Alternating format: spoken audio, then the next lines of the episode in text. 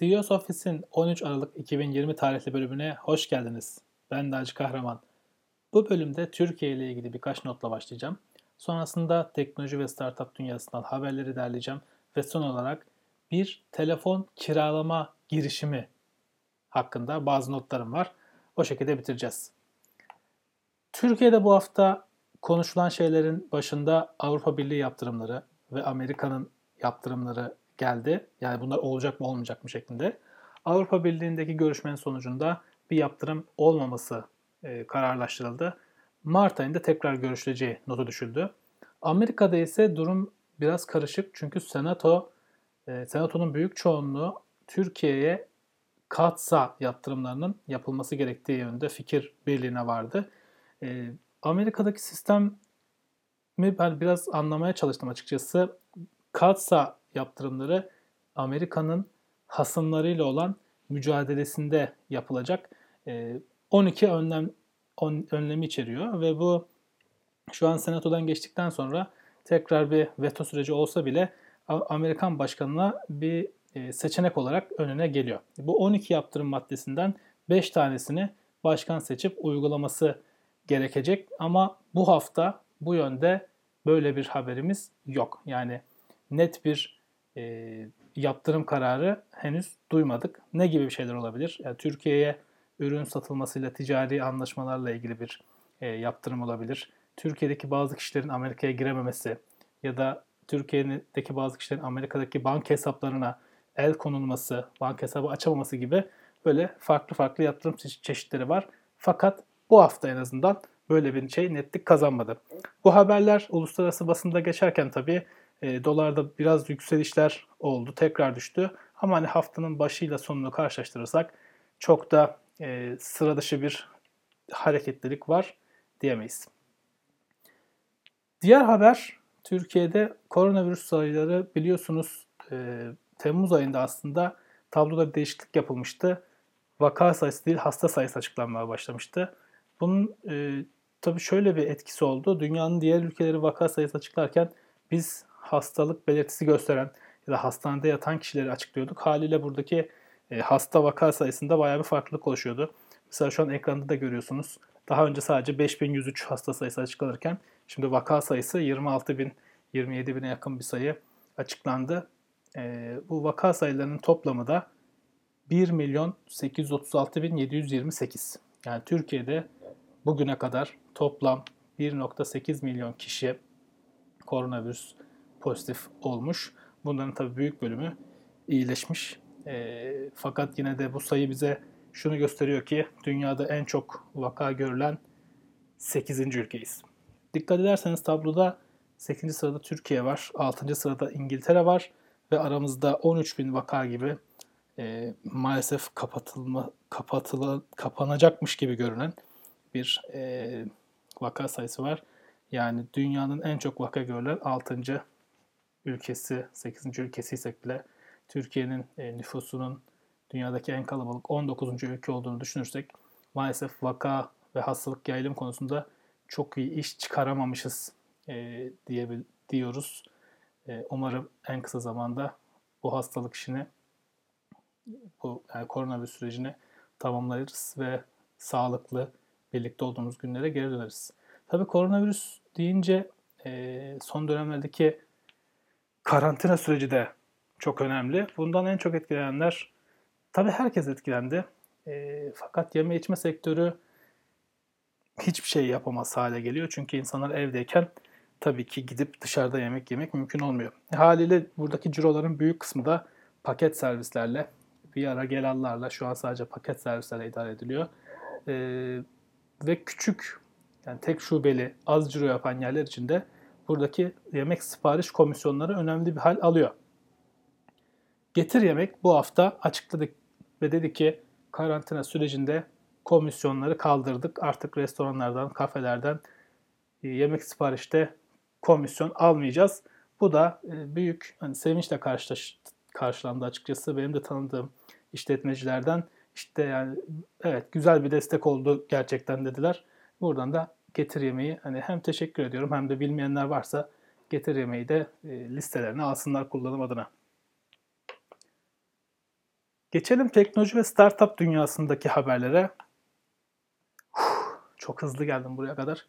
Nefes nefese kaldım. Bir dakika durun. İlk haberim Uber'in otonom sürüş birimi olan ATG yani neyin kısaltması? Advanced Technologies Group. ATG diyeceğim bundan sonra sadece. Uber ATG'yi satması. Fakat işlem biraz karışık. Şimdi Uber ATG e, Aurora'ya satıldı. Satın alan şirket de yine aynı sektörde faaliyet gösteriyor. Ve Aurora'da hem Sequoia Capital meşhur bir e, yatırım şirketidir hem de Amazon tarafından da fonlanan bir şirket. Şimdi Uber'in daha geçen sene Toyota'dan, Denso'dan ve SoftBank Vision Fund'dan 1 milyar dolar yatırım aldığı, aldığı biliniyor. Ve bu 1 milyar dolarlık yatırımı da 7.25 milyar dolar şirket değeri üzerinden almışlar. Fakat şimdi Uber ATG Aurora'ya satıldığında Uber herhangi bir para almamış. Üzerine 400 milyon dolar daha ödemiş. Ve Aurora'nın %26'sını satın almış karşılığında. Şimdi burada matematiksel olarak şöyle bir zarar olduğu ortaya çıkıyor. 7.25 7 milyar 7.25 milyar dolarlık şirketi satıyorsunuz. Veriyorsunuz. Üzerine 400 milyon dolar veriyorsunuz ve Aurora'nın %26'sını alıyorsunuz ki Aurora'ya 10 milyar dolar bir değer biçilmiş, biçiliyor şu an. Yani e, matematiksel olarak bir zarar var. Fakat Uber'in ATG birimi zarar ediyor.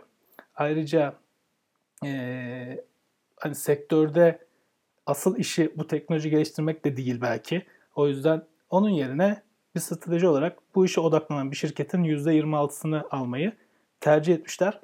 Ben önemli bir vaka olarak görüyorum. Yani her şeyi kendisi yapmaktansa bu işi bu işte uzmanlaşacak bir şirketin önemli bir bölümünde hissedar olmayı tercih etmiş. Bu da bir strateji olarak görünüyor. Bir yandan videoyu izleyelim.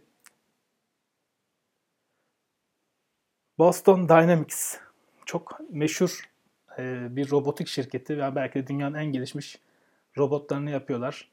Ve daha yeni dediğinde ticarileşmeye e, başlamıştı aslına bakarsanız. 1990'larda MIT'de laboratuvardan çıkan bir e, ekip bir spin-off, üniversite üniversite çıkışlı bir şirket. 2013'te Google satın almış. 2017'de de SoftBank yine SoftBank e, satın almış. Ve bu hafta çıkan haberle de öğrendik ki Boston Dynamics'in %80'i ve şirketin kontrolü Hyundai'ya geçmiş. 1.1 milyar dolar şirket değerinden Hyundai büyük kısmını satın almış. E, SoftBank burada %20 hissesini tutmaya devam edecek fakat e, söz sahibi burada Hyundai olacak.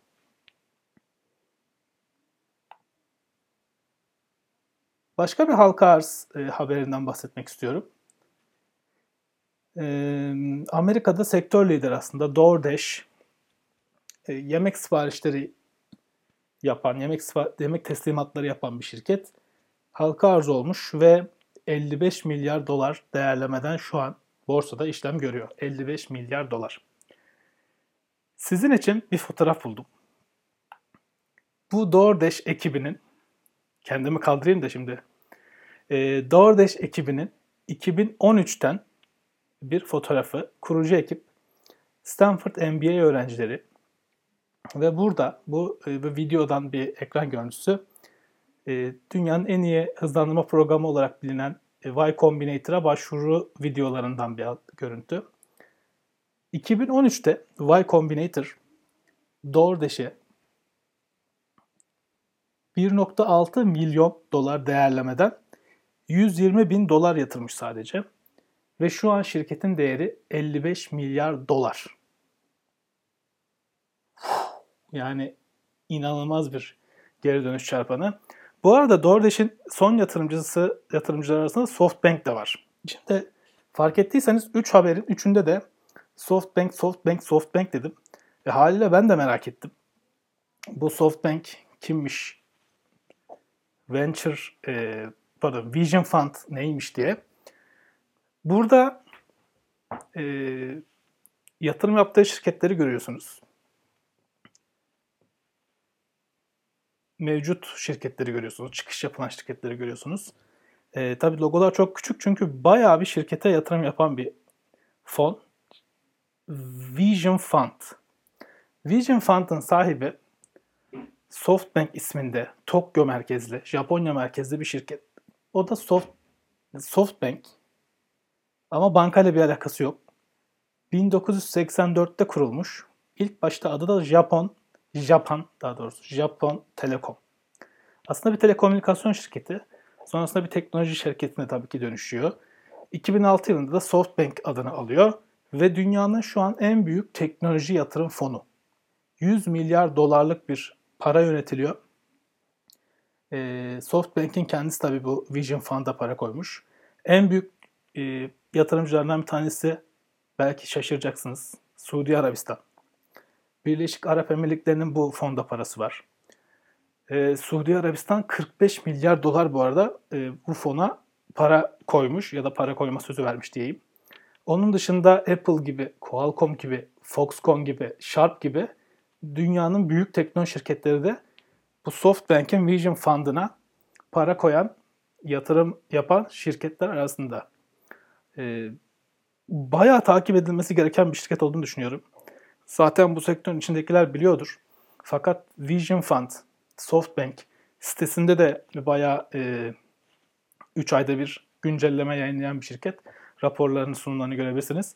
Eğer bir konuya ilgiliyseniz bence yakın takipte olmanız gereken şirketlerden bir tanesi.